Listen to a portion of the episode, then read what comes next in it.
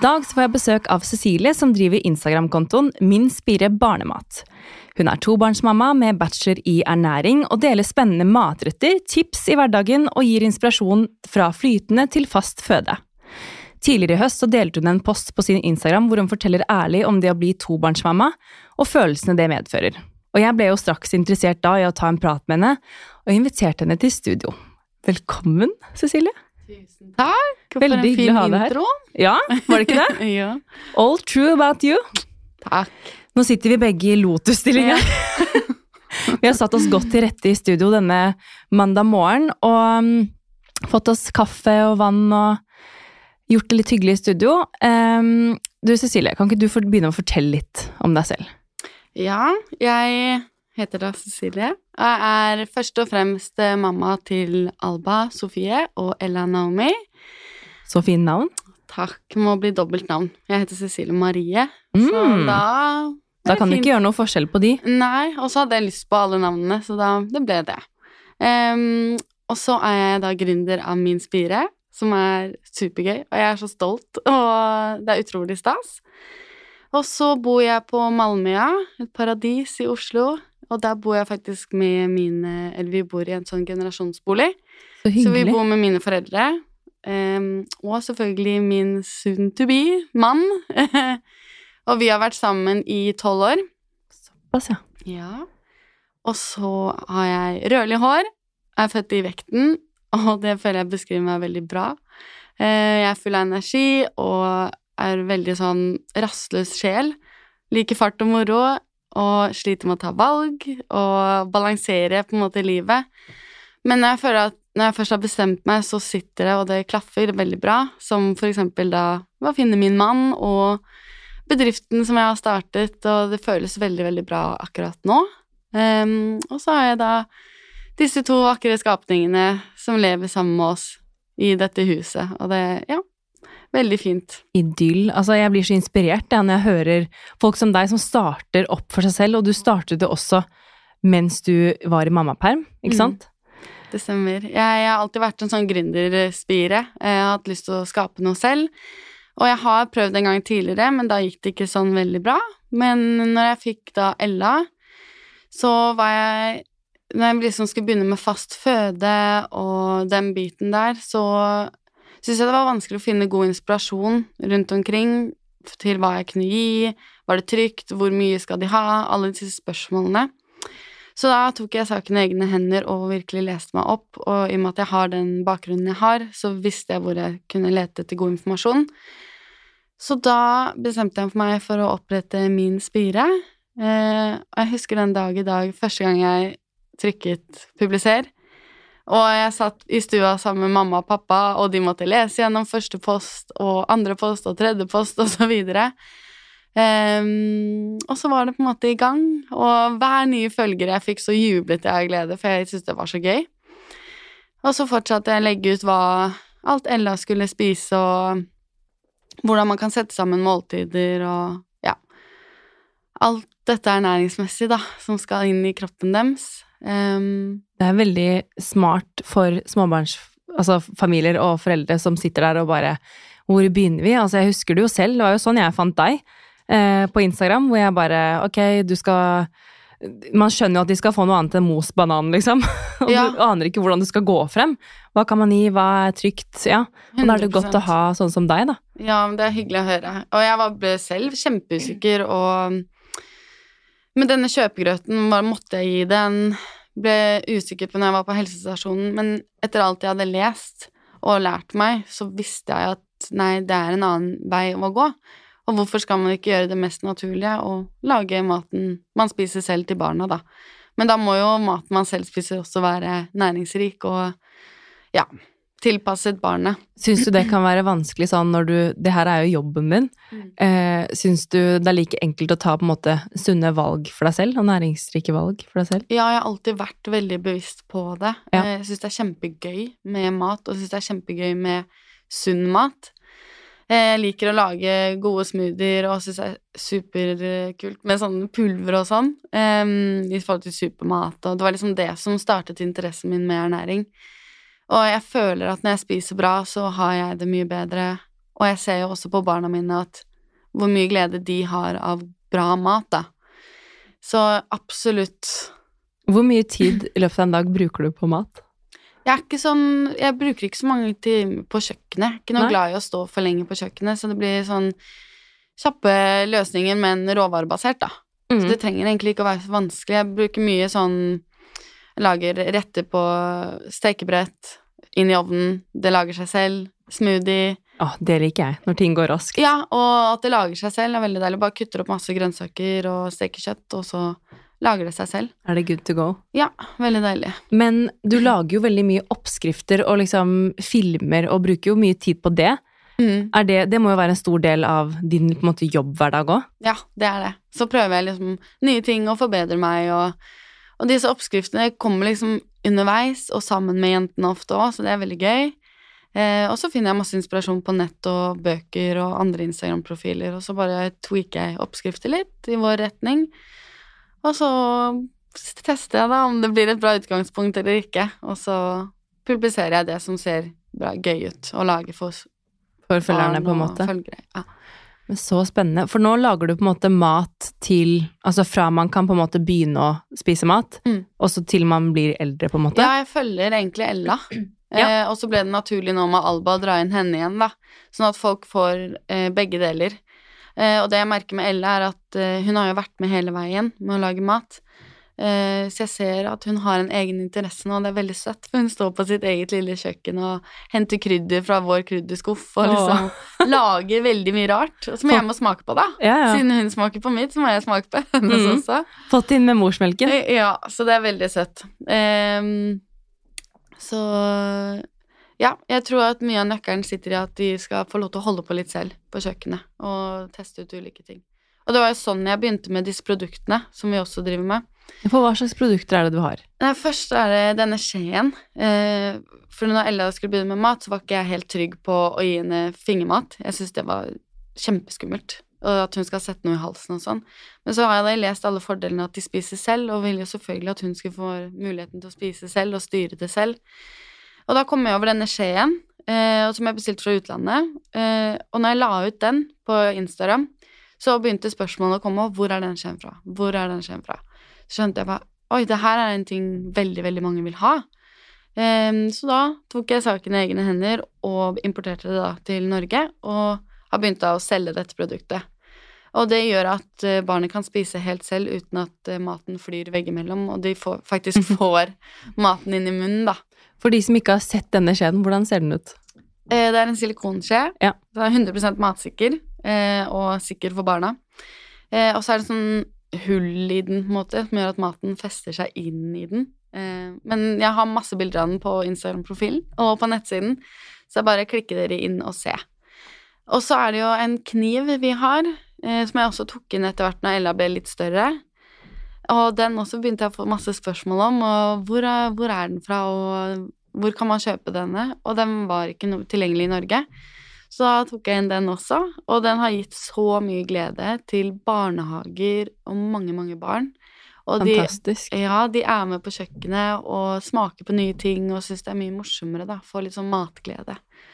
Merker du det også på eh, Ja, nå blir det jo på en måte mest på Ella, da, siden hun andre er eh, Syv måneder. syv måneder. Men eh, merker du at hun syns det er mer morsomt å smake på ting når hun får lov til å være med Ja. eh, og lage? Veldig stor forskjell. Så Det kan jeg merke òg. Ja, ikke sant. Er Olivia med og Ja, altså, ikke hver dag, men innimellom så hjelper hun til på en måte sånn, hvis det er ting hun enkelt kan Jeg er litt sånn redd for at hun skal stå borte ved gryter og når det er varmt Ja. og sånn, men, men eh, hvis jeg står og skjærer opp ting, så pleier hun bare å stå liksom og så får hun liksom Mm. late som litt selv. Men så har hun også et lite lekekjøkken da, på kjøkkenet, og der elsker hun jo å stå. Og nå her om dagen så puttet vi litt vann da oppi den på en måte vasken hennes, Ja. og det var så stas. da, Da var hun helt i hundre. Vann er det beste. Ja, det er så lite som skal til, men hun Mm. hadde det så gøy. Mm, og da kan de stå der ganske lenge mens dere får lagd middag. I know. ganske- Ja, det er deilig.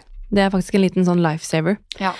Men eh, du har jo fortalt nå liksom litt historien bak. Altså Du startet jo dette her for at du syntes det var vanskelig å finne egne gode oppskrifter, og så med bakgrunnen din så ble det på en måte Det ble jo en businessidé. Um, men hvordan, eh, hvordan finner du liksom inspirasjon til nye oppskrifter? Du sa andre Instagram-kontoer og Bøker, bøker. og på nett. Og så de oppskriftene jeg finner, på en måte gjør jeg om til, til oss, da. Ja. Til våre smaker og hvordan vi spiser maten. Eh, så da blir de til underveis. Det er spennende. Ja. Og barna, sånn, hvis man vet at barna liker noe overfor noe annet, så på en måte tester man sånn at man får det inn i oppskriften, på en måte.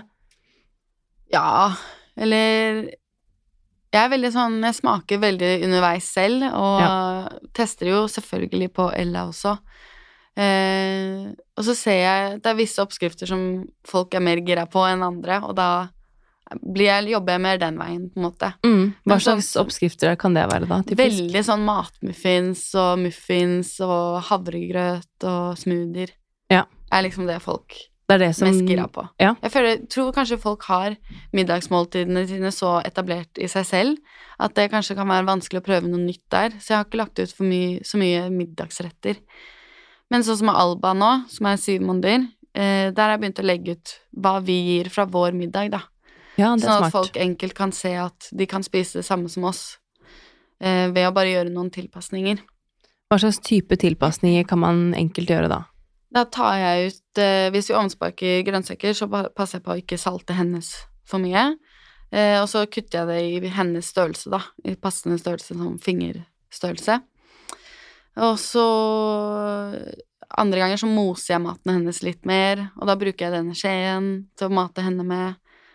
Som hun kan sitte og holde på med ganske lenge. Og så har vi hatt en sånn matsmokk som kommer inn igjen snart.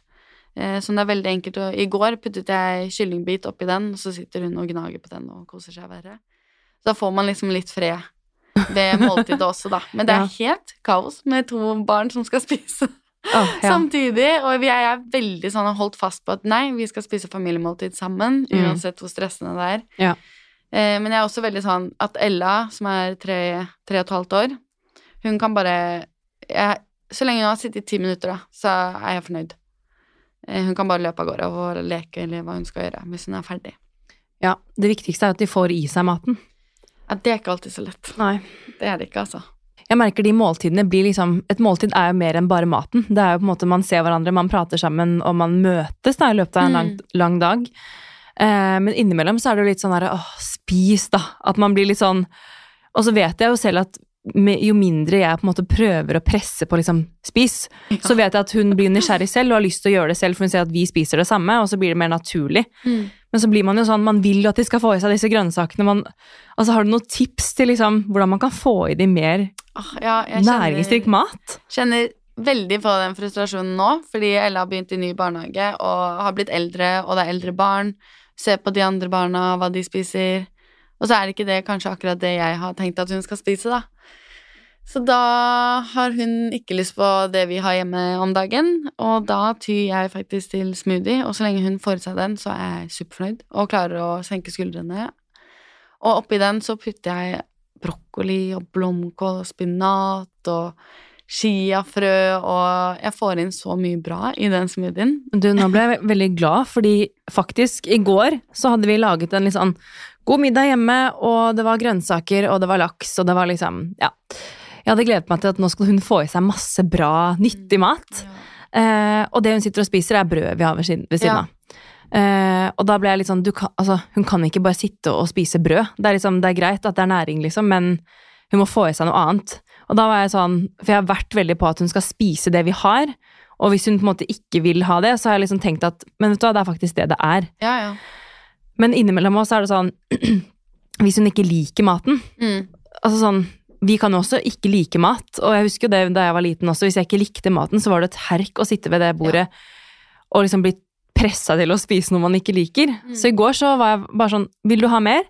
Nei. Ok, da tar jeg det bort. Og så lagde jeg faktisk også en smoothie. Ja. For jeg bare Hun må jo få i seg noe mat, ellers så blir det jo, blir jo ettermiddagen helt kaos, og legging går skeis, og du vet jo hva alle følgefeilene som kommer. Man blir desperat. Åh, ja, så da så gjorde jeg det samme, så det var litt godt å høre at, det, Ja. at du også, som er ernæringsekspert, eh, kan ty til en smoothie til ja, nei, middag. men smoothie er min løsning, det, altså. Men gjerne som frokost, da. Ja, Altså, eller gir det til frokost, og så slenger jeg med restene i matpakken. Det Eh. For da starter hun bra, og starter med jevnt blodsukker. Siden jeg setter sammen smoothien på en sånn måte at det holder seg stabilt. Men smart. apropos sånn middag i går, så ville ikke hun smake engang, ikke sant. Så jeg er sånn, kan i hvert fall smak, da. Altså, greit hvis du ikke vil spise på alt, men bare smak er du grei. ja. Og så vil man ikke tvinge dem. Nei, også, men jeg ser veldig forskjell på når jeg klarer å være rolig og bare sette maten klar, og så bare ser jeg ikke på henne. Nei, vet det. Ingenting. Og da plutselig spiser hun. Ja, og så må man ikke stresse. Nei. Fordi det er akkurat som at hvis man er sånn Ja, men så spis, da. Da gidder de i hvert fall ikke å spise. De merker det, de kjenner vår energi. Det er helt utrolig.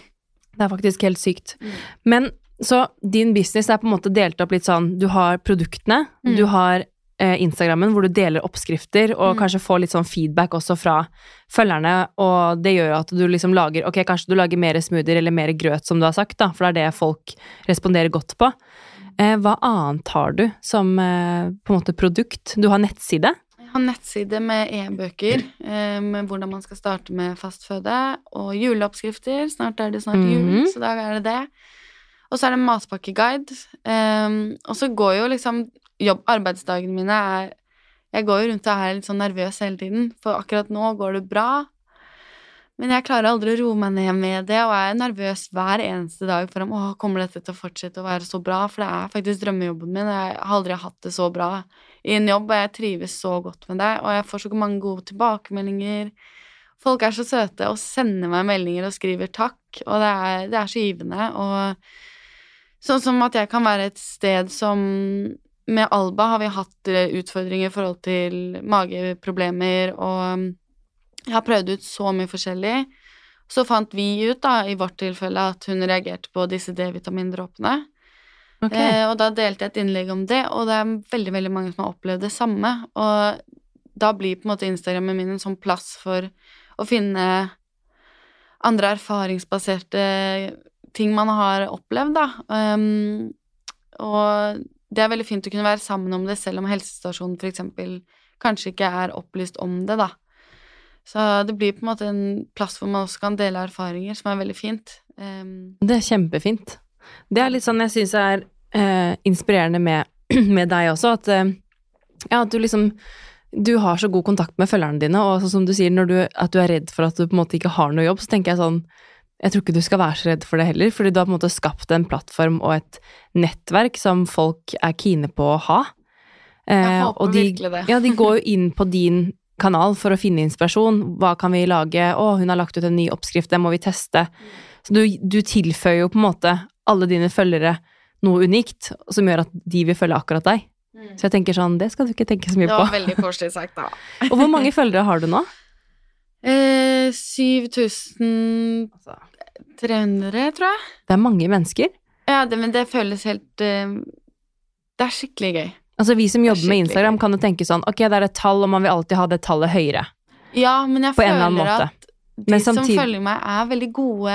De, de responderer. Jeg får veldig mye tilbakemeldinger på meldinger, liksom. Det er, jeg føler at de er ekte følgere. Ja, og det var det jeg skulle fram til, at på en måte Hvis du setter de 7000 menneskene foran deg, og tenker at ok, alle disse her følger meg fordi de er kine på å se hva jeg poster, de er kine på å respondere på det, så er det Det er jo et hav av mennesker. Ja, det er helt magisk. Det er helt Um, eh, utrolig at det går an. Det er skikkelig gøy. Men jeg håper at eh, Eller jeg får jo gode tilbakemeldinger på produktene også. Og jeg syns jo sånn produktutvikling, nye ideer Jeg har masse nye ideer der, og jeg klarer ikke å roe meg ned, for jeg blir sånn Det må gjøre, det må gjøre. Så jeg må, min partner da er han som Nå må du roe deg ned, og så må vi gjøre Ta dette. én ting om gangen. Ja. Så må, dere må bare følge med. det kommer, kom- det kommer masse. mer. Det kommer mer. Eh, så vi driver og tegner og holder på. Skal Spennende. produsere mer selv, da. Mhm. Egne utviklinger. Spennende, for nå er det skje, gaff eller kniv og um, denne smokken. Ja, og så har det kommet skål og kopp. Skål. Mm. Og nå kommer det også bestikk til større barn. Mm. Eh, Ella er veldig fan av det bestikket, så vi tester alltid produktene på henne, da. For å se hvordan hun liker det. Ganske lenge før jeg tør å ta inn noe som helst. Eh, Hun digger det, og så kommer det nytt påfyll av smekker. Og nå kommer det også um, gelatinfigur, eh, sånne former eh, med gelatin også, som jeg skal okay. selv begynne å selge gelatin. Ja. Og et oppskriftshefte, da. Hvordan man kan lage disse gelatinfigurene som er som gelégodis, bare mye, mye, mye sunnere. Oi, genialt. Det har jeg lyst til å teste. Ja, det er, men det er veldig gøy å ta med barna på og lage det. Eh, og så ser man hvordan den stivner, og ja, at man Ja. leker seg frem litt, da. Spennende. Så du har mange jern i ilden og mange planer fremover for min spire. Ja, Mer kommer. Jeg gleder meg til å følge med.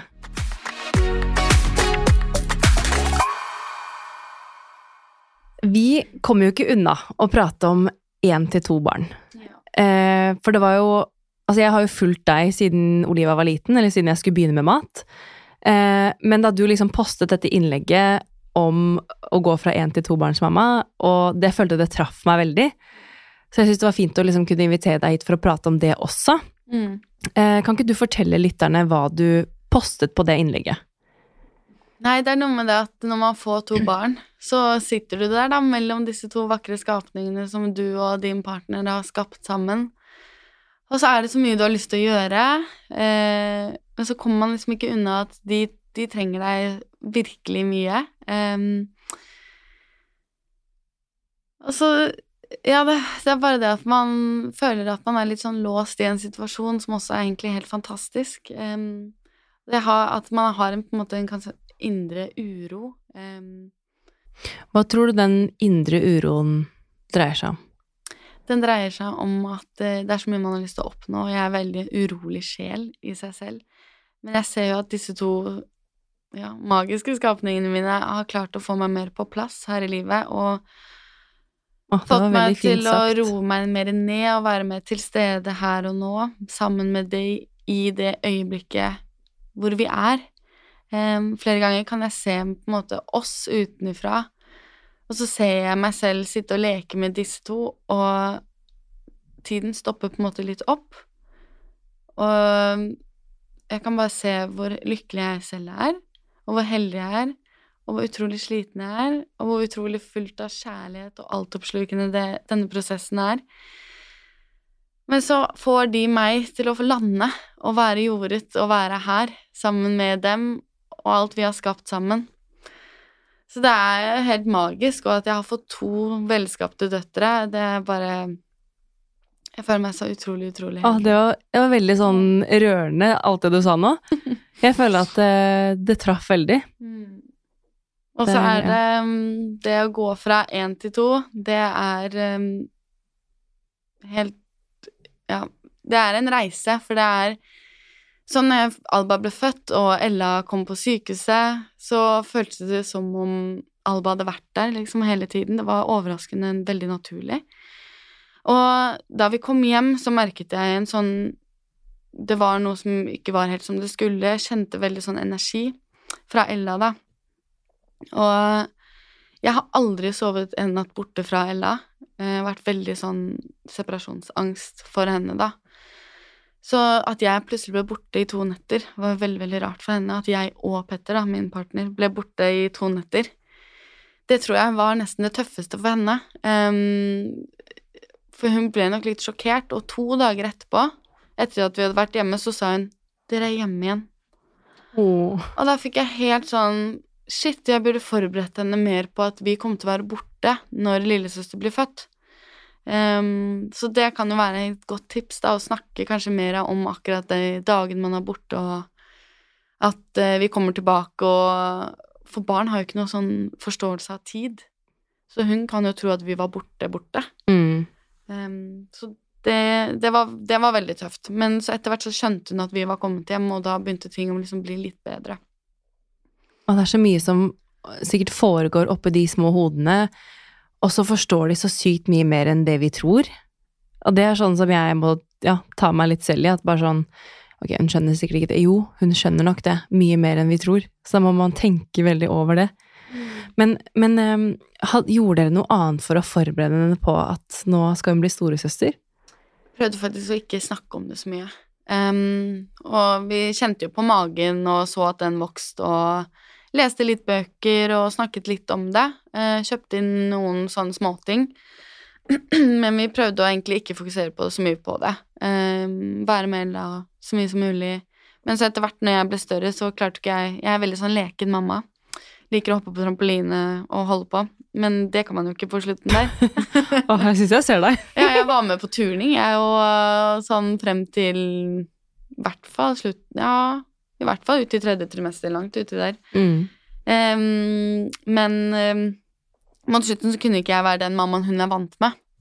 Uh, så da ble det jo litt annerledes da også, og hun var veldig sånn 'mamma er syk og må ligge'. Da måtte jeg ligge mye. Begynte å, begynne, siden magen min Man får så liten plass til slutt, så Mm. lå jeg mye og gulpet etter måltid. Ja. Deilig. Ja, men det var også Hun bare 'Å, mamma, skal du gulpe?' Og så ble det en sånn morsom greie, og hun også begynte å blø. Nei, men eh, Så vi forberedte henne ikke sånn veldig på det, kanskje. Um, og vi, tar, det, vi er veldig spontane av oss og tar ting som det kommer. Um, ja. Det er nok fint på mange måter, det òg, for det er litt sånn hvis man Jeg har tenkt sånn Man kan jo forberede til en viss grad, men man kan jo ikke Man vet jo aldri hvordan ting blir, og det tenker jeg på i forhold til fødsel også, at eh, Mm. jeg kan gjøre veldig mye med hva som er eh, mellom ørene, på en måte, men hva som skjer fysisk, det kan jo ikke jeg styre. Så jeg har i hvert fall bare prøvd å tenke at uh, hodet mitt og pusten min, det er det eneste jeg kan styre, og resten må jeg bare ta. Ja. Hvordan syns du fødsel nummer to var versus nummer én? Med Ella så var det styrtfødsel. Ja. Det var veldig sjukt å oppleve. Alt gikk så fort at jeg fikk det nesten ikke med meg. Eh, Hvor var fort snakker vi da? Nei, jeg dro hjemmefra halv ti, og hun kom ut 11.23. Ja. Så det, Det gikk veldig fort. Hadde vannet gått før da, eller? Nei, vannet gikk Hos meg så går vannet på rett før presseriene kommer, da. Okay, ja. Mm. Så med Alba nå så var jeg supervar og kjente etter tegn hele tiden, så jeg gikk en måned i forveien og var sånn Nå føder jeg. Nå føder jeg. Åh, var Det det var slitsomt? så slitsomt. Ja. Jo. Jeg gikk bare i min egen boble og bare kjente etter sånn ekstra. Det var så dumt. Åh, kjenner jeg etter Ja. noe nå? Er det noe nå? Ja, for jeg var jo ganske nervøs for å ikke rekke frem, da, og fødsel i bil hadde jeg ikke så lyst på. Jeg skjønner at Altså, ja. Jeg ville komme frem til eh, Sykehuset? Så da mm, var jeg veldig observant og var på meg selv og mine tegn. eh, men da det først inntraff, så merket jeg det på morgenen, og så ringte vi ned til Jeg har født begge på ABC, da. Så det var Det var på en måte kjent for meg alt sammen der, og det er veldig trygt for meg å føde der, da. Så da kom jeg, ringte vi ned, og da fikk vi plass med en gang, siden jeg hadde den styrtfødselen sist. Og så mm, var det egentlig artet seg ganske likt, altså, som eh, Ella.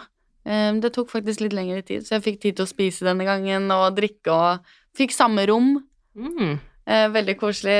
Og jeg og partneren min fikk tid til å le og kose oss og ja, Det er fantastisk. ja, det var veldig fint. Og så satte de jo i gang, og da er det jo heftig og ja. Så går det sin gang. Ja, og de riene er så ekstremt kraftige og bra rier, da. Mm. så, men begge to ble født i badekar, og veldig sånn likt, sånn i forhold til hvordan jeg posisjonerte meg, og jeg, kroppen min bare sier at nei, jeg skal føde på alle fire, på en Mm. måte. Den bare, det tar jo bare helt over. Ja, det er så rart det der. Og jeg, jeg er sånn spent på fødsel nummer to. Altså, hva slags forventninger hadde du til fødsel nummer to?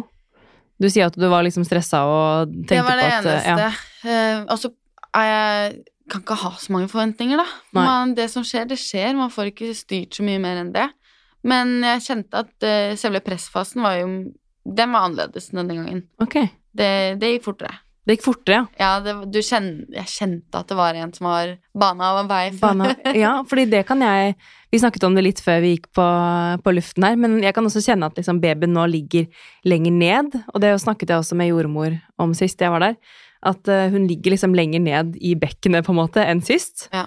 Og da er det jo på en måte kortere vei ut, da. Ja, ja, ja. ja jeg merka at det var, det var stor forskjell på det. Hun kom ut liksom på Jeg tror det var to trykk, jeg. Oi. Det var helt sjukt. Jeg bare Hva?! Men syns du på en måte at det var At smertene var verre? Kan du huske det? Om du syns det var verre? Eh, De riene er jo helt Ja. de, de siste riene typ i overgangsfasen der, det er Hva var de som er verst for deg? De syns jeg er verst. Da Ja. tror jeg nesten at jeg skal dø, liksom. Ja. Da, da syns jeg kjempevondt. Åh, jeg er Eh, skikkelig mens spent, når altså. man, når man først kan presse, da Så føles det sånn Yes, nå kan ja, jeg gjøre noe! Og så syns jeg det vannet hjelper veldig. Okay. Og i badekar, da. Mm. Den varmen og Ja. Kroppen min finner seg godt til rette der. Jeg så hadde liksom tanker om at jeg hadde lyst til det, men da jeg kom på sykehuset, så var det bare sånn Det var ikke snakk om Nei. for min del. Nei, nei, At jeg skulle opp i et badekar. Ja, det, var ja, liksom, ja. det var det siste jeg ville. så det er veldig sånn individuelt sikkert hvordan man føler det der og da. Ja, jeg var veldig bestemt på at jeg hadde lyst til det hvis det gikk med Alba. Um, men det så jo egentlig litt sånn Fordi det som var med Alba, nå liksom kommer det tilbake til meg, er at eh, den slimproppen gikk på sykehuset, og da kom de kraftige riene. Og da er jeg sånn som vil ligge i, i sånn, hva heter det, spedbarnsstilling, holdt jeg på å Ja, si. litt sånn stabil sidelag, Ja, holdt jeg på å si. ja, og bare jobbe meg gjennom smerten opp med å bruke pusten. Puste inn, og så ut. Og jeg tenk, så for meg at liksom jeg pusta inn, så trakk livmoren seg opp, og så pusta jeg ut, og da dyttet jeg liksom henne ut med pusten, da. Jobba dødsbra. Så fornøyd med meg selv. Men hvordan hadde du, hadde du forberedt deg på disse Det hadde jeg lest i den der Positiv fødsel. Fordi Positiv det er fødsel. første gang jeg har sett hvordan livmoren trekker seg opp. Og da klarte jeg liksom se for meg hvordan jeg skal jobbe med pusten, og så skyve henne ut, da. Jeg føler faktisk at det hjalp litt. Veldig, Oi. veldig mye. Det er mange som snakker om positiv fødsel. Men, Få få henne på podkasten, kanskje? da. Ja, hun, eh, hun eh, er på lista mi. Ja, så gøy. Nei, så jeg føler at det hjalp veldig. Eh, men da hadde jeg liksom vært så inni meg selv, og jordmor var ikke til stede, for jeg ville være mest mulig alene, jeg og Petter, da. Og så plutselig går vannet mitt. Og så plutselig får jeg en pressrie i det vannet gikk, og jeg skriker 'nå kommer hun', og Mm. jordmor var jo ikke der. Så Petter var sånn 'å, shit', og jeg bare 'å, du må ringe nå'. Mm. Så ringte de tråden, og jeg hadde jo på meg klær og alt. Og så kom jordmor inn og liksom får av meg klærne, og hun er Alba da, er jo på vei ut, eh, så jeg må holde igjen presserien hvis jeg skal opp i det badekaret, da, som jeg så jækla vil. så vi klarer jeg klarer å holde igjen, og så tar hun oh hånda og holder mellom beina mine mens jeg liksom humper meg bort til badekaret. Shit! Og så kunne jeg liksom begynne å presse. Shit. Ja, så jeg var veldig fast bestemt på at det badekaret, det hjalp meg så godt sist, at det nå Du skulle rett og slett bare knipe igjen for å få henne ut Ja. der. Men hvordan er det å føde i vann? Altså sånn når hun kommer ut, altså sånn flyter hun liksom opp? Eller hvordan Ja, eh, Petter fikk jo se det sånn veldig. Mm. Eh, I og med at jeg satt på alle fire, så så han liksom at hele Alba bare fløy ut, og liksom under vann sånn. ut, liksom? Ja. Og så ligger de jo litt under der, som Ella ble med ho lå med hodet ganske lenge før jeg fikk ut resten, da. Mm. Så de, de ligger der liksom bare til de blir tatt opp, da. Og de, de bor jo i vann, Ja. så det er jo ikke noe sånn at det er noe fare på en måte for de. De er jo vant til det. Ja, veldig fint. Jeg i ut som du har hatt to fine fødsler. Det har jeg. Jeg har vært veldig hel heldig, føler jeg. Men er også fordi jeg underveis har vært i god form og jeg har gått mye turer og tatt vare på meg selv underveis også, på en måte. Det er nok viktig. Um, og så føler jeg at for min del så var det veldig deilig å føde på ABC, for jeg følte meg veldig trygg der, og i takt med min kropp, da, hvordan jeg ville at den skulle jobbe, da. Bare lytte til den. Det er et godt tips til alle som skal føde snart. Ja. Men det er jo så utrolig forskjellig, da. Det er det. Mm. Alle fødsler er unike. Men da eh, Alba kom, og altså, hvordan var det å få liksom baby nummer to? Hva slags følelse går gjennom kroppen da? Det var Da visste man jo hva, hva som kommer, da.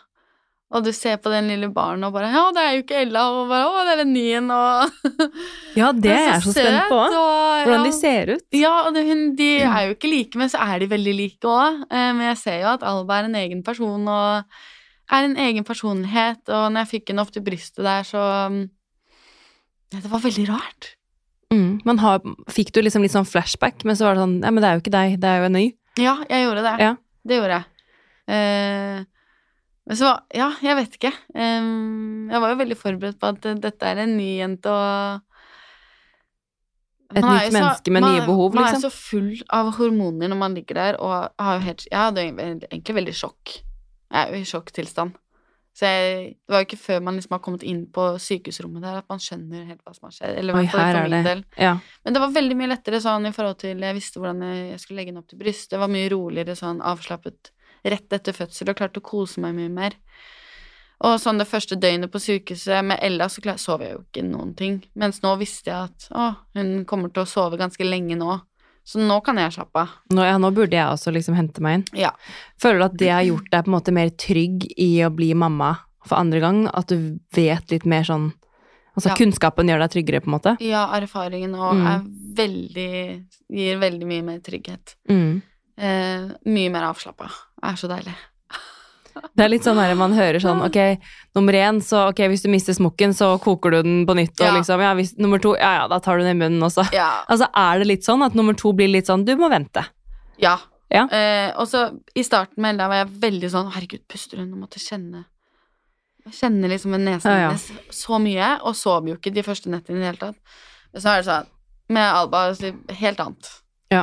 Ja. Det går så fint, og det går seg til, og Ja. Men hun ligger mye mer på bakken. Det gjør det. hun blir Ja. sterk, da. Mm, ja, det blir de.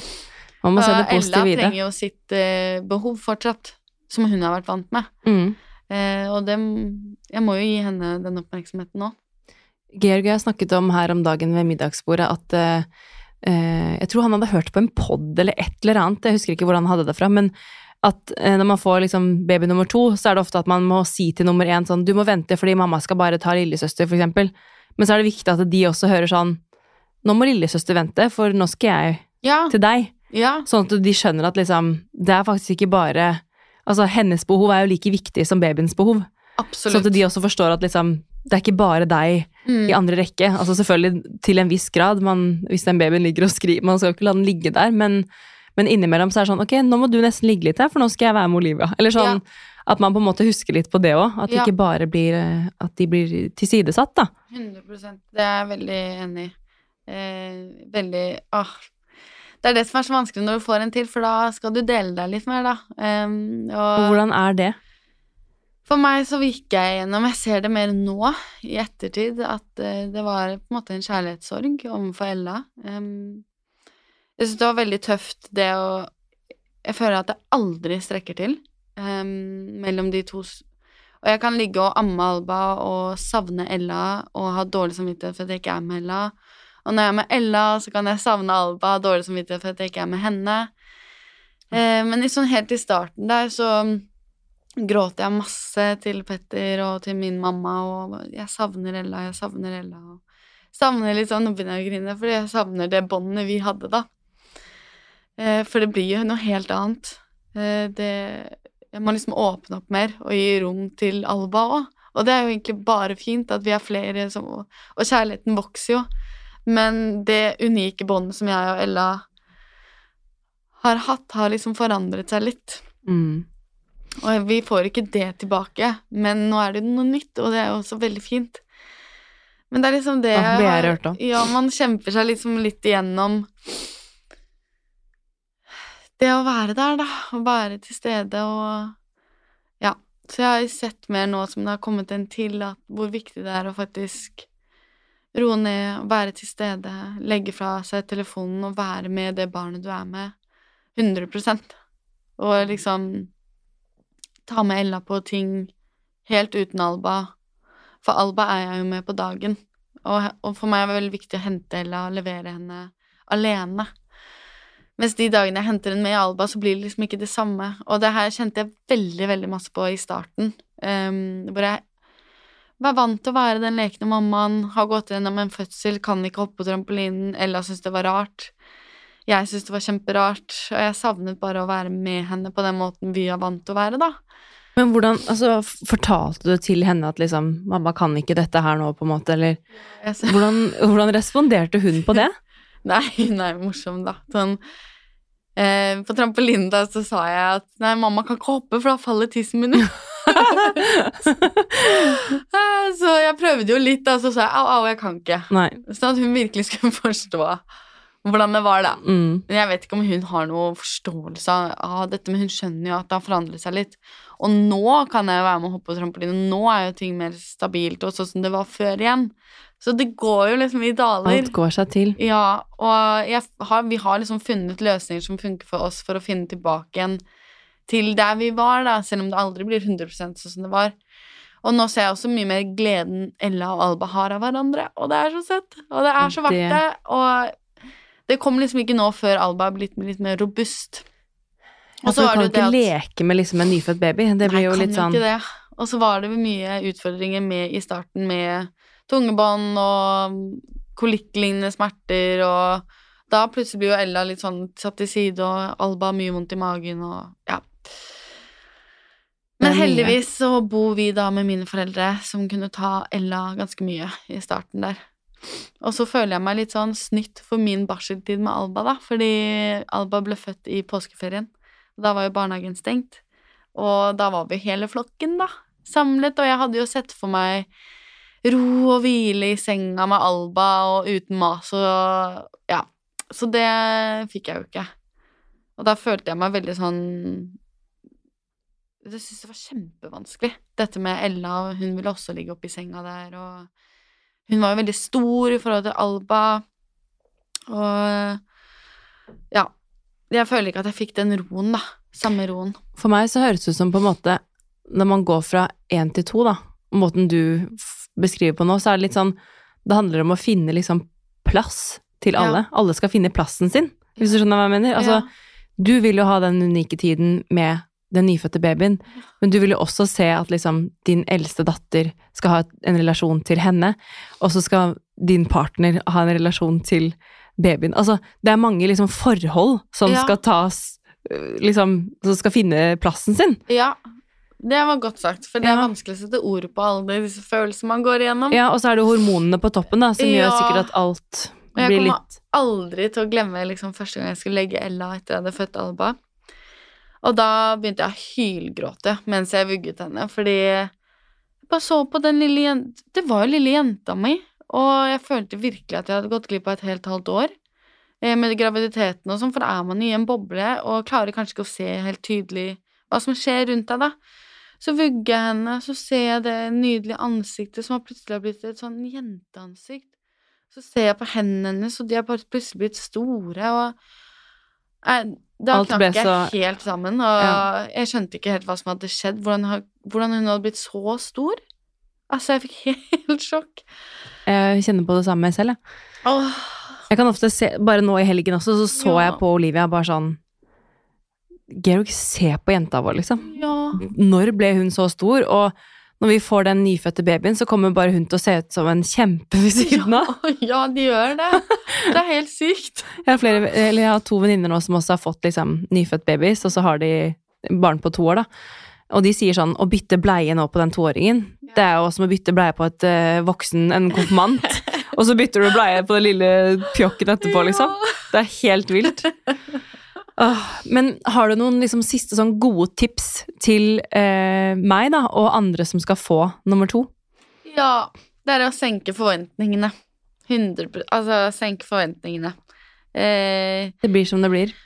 Og så en ting jeg vil snakke om litt, er egentid eh, for mor. At man må snakke med partner om å få litt sånn egentid. Eller i hvert fall for min del er det veldig viktig for å klare å være mer til stede for mine barn og min mann igjen, da. Og når jeg får tid til å gå tur, så kommer jeg inn med en helt ny energi og klarer å ta vare på For jeg føler at mammaen i huset er den som bærer med seg energien inn, og at barna kjenner på de nervene mammaen har med seg, da. Og hvis ikke alt er Ikke alt trenger å være i orden, men så lenge man ikke klarer å være mm, har tatt vare på seg selv, så er det så utrolig vanskelig å ta vare på de rundt seg også, og de små trenger at mamma er her, til stede. Spot on.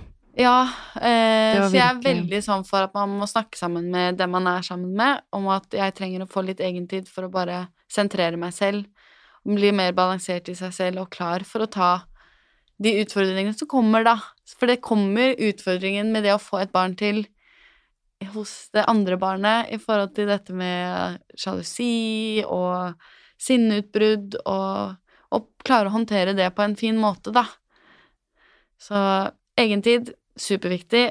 Å senke forventninger til seg selv og alt annet rundt. Det trenger ikke å være ryddig, og man trenger ikke å dusje hver dag, og ja. Det var gode tips.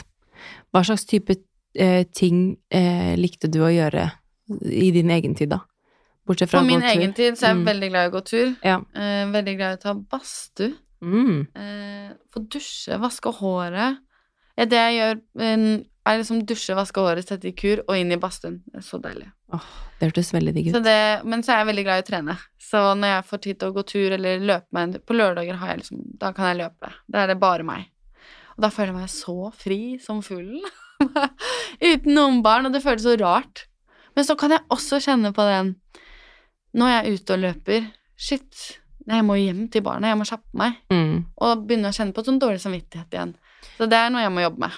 Fordi det er noe jeg er litt sånn Jeg husker jo spesielt når man fikk sitt, sitt første Ja. barn, eh, så kjente man mye på det der at liksom eh, Man som mor, da, kanskje, i den første tiden, og det første året, egentlig, føler seg veldig sånn naturligvis knyttet til barnet, men også det der, eh, spesielt hvis man ammer også, at man føler at på en måte babyen trenger meg så veldig, og sånn skal det jo være, men at man da også Jeg kan bare se for meg når, man får nummer to, at man kan også kjenne litt på sånn Ok, så en partner, da, kan kanskje liksom stikke og gjøre sine ting uten at på en måte noe skade er skjedd, hvis du skjønner hva jeg mener, mens man som mor kanskje kan føle litt på at eh, ok, hvis man stikker den løpeturen, da, som du sier, altså, så kan man få dårlig samvittighet, eller man føler at ok, går hele husstanden under her nå for at jeg er ute en tur. Altså, den er jeg liksom litt spent på, om jeg kommer til å føle at liksom jeg kan ta meg den tiden borte hjemmefra, liksom.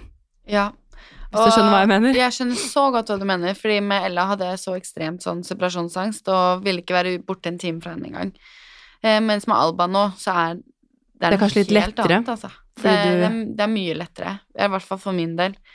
Uh, og jeg vet Jeg har jobbet så mye med meg selv i forhold til det med at jeg vet at den egentiden, den er så viktig for at jeg skal være den mammaen som jeg har lyst til å være. Um, så da må jeg sette av tid til meg selv også. Uh, for å, jeg vil ha god energi rundt jentene mine. Jeg vil at de skal se at jeg har det bra. Eh, Og da må man prioritere seg selv. må prioritere seg selv. Og så glemmer man kanskje litt også at sånn, ok, hvis jeg er borte, det betyr jo egentlig bare at barna mine bygger relasjon med noen andre. Ja, og det er jo så fint. Og det vil man jo, Ja. på en måte. Så det er litt sånn, ja, ja. det, ja, man må tenke sånn på det, og ikke at man liksom Og partner er jo like Ja, ja. stor eh, del av dette, så man må jo også få muligheten til å delta, like, få ansvar, da. Ja, det er faktisk veldig sant. Mm. Men du, um, den mandagen her så er det faktisk bare noen få dager igjen til desember. Så jeg tenkte sånn helt avslutningsvis så skulle vi bare snakke litt grann om jul. Mm. eh, og juleplaner. Og du nevnte jo i stad juleoppskrift. Ja. Eh, for du har noen juleoppskrifter på Min Spire. Ja, der har jeg laget et sånn e-book-oppskriftshefte, eh, og alle oppskriftene er så å si melkefri, eggefri og glutenfri. Det er veldig sånn for å inkludere alle. Eh, og der er det pepperkakeoppskrifter og pepperkakekuler og safrankuler og ja. Alt sånn kry krydrete julesmaker, da. Mm. Som eh, Da er det bare å, laste ned og Der er det begynne å laste ned og begynne å bake, og ta med barna. Veldig Mhm. viktig. Det er gøy å rulle kuler og smake og Det er lov. Alle oppskriftene er jo sånn at du kan bare smake rå, på en Ja. Det er perfekt. Å, det skal jeg sjekke ut. Det er et Ja. godt tips nå til eh, desember, når man har lyst til å bake sammen med barna. Har dere noen andre hyggelige planer da, eller tradisjoner som dere gjør i julen? Denne julen her er litt annerledes. Min søster er i Australia, så vi hadde egentlig tenkt å reise ned dit, men fant fort ut at to barn og så lang flyreise, det blir litt heftig. Ja. Så vi blir hjemme, og mine foreldre drar, så det betyr at eh, vi har hele, hele huset for oss selv. Men er ikke det nydelig, da? Ja, så det blir veldig sånn stille og litt annerledes for oss det òg, for vi er vant med å ha de rundt oss. Og barnepass hele tiden og sånn opp og ned. Mm. Eh, så nå blir det på en måte en litt ny dynamikk igjen. Eh, jeg tror egentlig det blir veldig fint. Vi skal lage skikkelig sånn juletradisjon og dra og hente juletre. Og det blir sånn gøy med Ella nå, for hun forstår mye mer av å, å hente og dra og ta juletre, pynte juletre, sette på lys. Jeg gleder hun, meg så Hun snakker om nissen og gleder seg masse. Åh. Ja, så det, jeg tror det blir veldig, veldig koselig nå, for nå skjønner de mye mer, og jeg gleder meg å få den roen over seg. Og så skal jeg bare være flink til å prøve å nyte de magiske øyeblikkene vi har nå, for det, altså det er en klisjé, men det går, Det går så fort. fort. Og jeg blir helt sånn skremt over hvor fort det går. Og den lille tiden man har med den nybakte babyen, hvor fort det går. Altså, Alba er blitt så stor, og jeg skjønner ikke hvor tiden ble av. Og det er sånn med nummer to. Det går så fort. Ja, jeg skriver det ned. ah, ja. Men det, vi har i hvert fall veldig mye å se fram til, og nå gleder jeg meg til å sjekke ut alle oppskriftene dine også, så man kan bake sammen med de små. Um, helt på tampen også, så må vi jo Vi kommer oss ikke unna hot mama-tips. ja hot, hot mama-tips er én det med å senke forventningene. Jeg er veldig på det, fordi jeg selv har brent meg så mange ganger på å ha store forventninger til ting, og så blir det ikke som man har sett for seg, og så blir man så da bygger det seg opp et sånn sinne eller uro inni kroppen som Jeg føler at med barn så må man senke forventningene og ta det litt som det kommer. Og får man tid til seg selv, så er det supert. Og går det ikke, så går det ikke den dagen. Og så får man ta det som det kommer. Det kommer alltid en ny dag òg. Kommer alltid en ny dag. Og så har jeg faktisk prøvd å tenke sånn, hvis noe går skikkelig dritt, så har jeg tenkt sånn, nå er ikke den dagen her ødelagt. Det var Nei. bare et øyeblikk. Ja. Nå starter vi på nytt. ja, det er kjempefint. Fordi det er som man må si til seg Også selv. det, da, å være til stede her og nå. Det er skikkelig noe jeg øver på. Å bare puste ut, roe ned og prøve å nyte de to. Og hele familien vår. Og tenke 'herregud, så heldig jeg er som har skapt dette'. Veldig, veldig fine ord på slutten der. Tusen, tusen takk for at du kom til studio. Og hvis folk ønsker å komme i kontakt med deg, hvor finner de deg da? Det er på Instagram, min spire barnemat, og på nettside min-spire.no. Perfekt. Ja. Tusen takk for at du kom, og god førjulstid. Og tusen takk for at jeg fikk komme. Det var kjempestas. Og god jul til dere òg. ha det.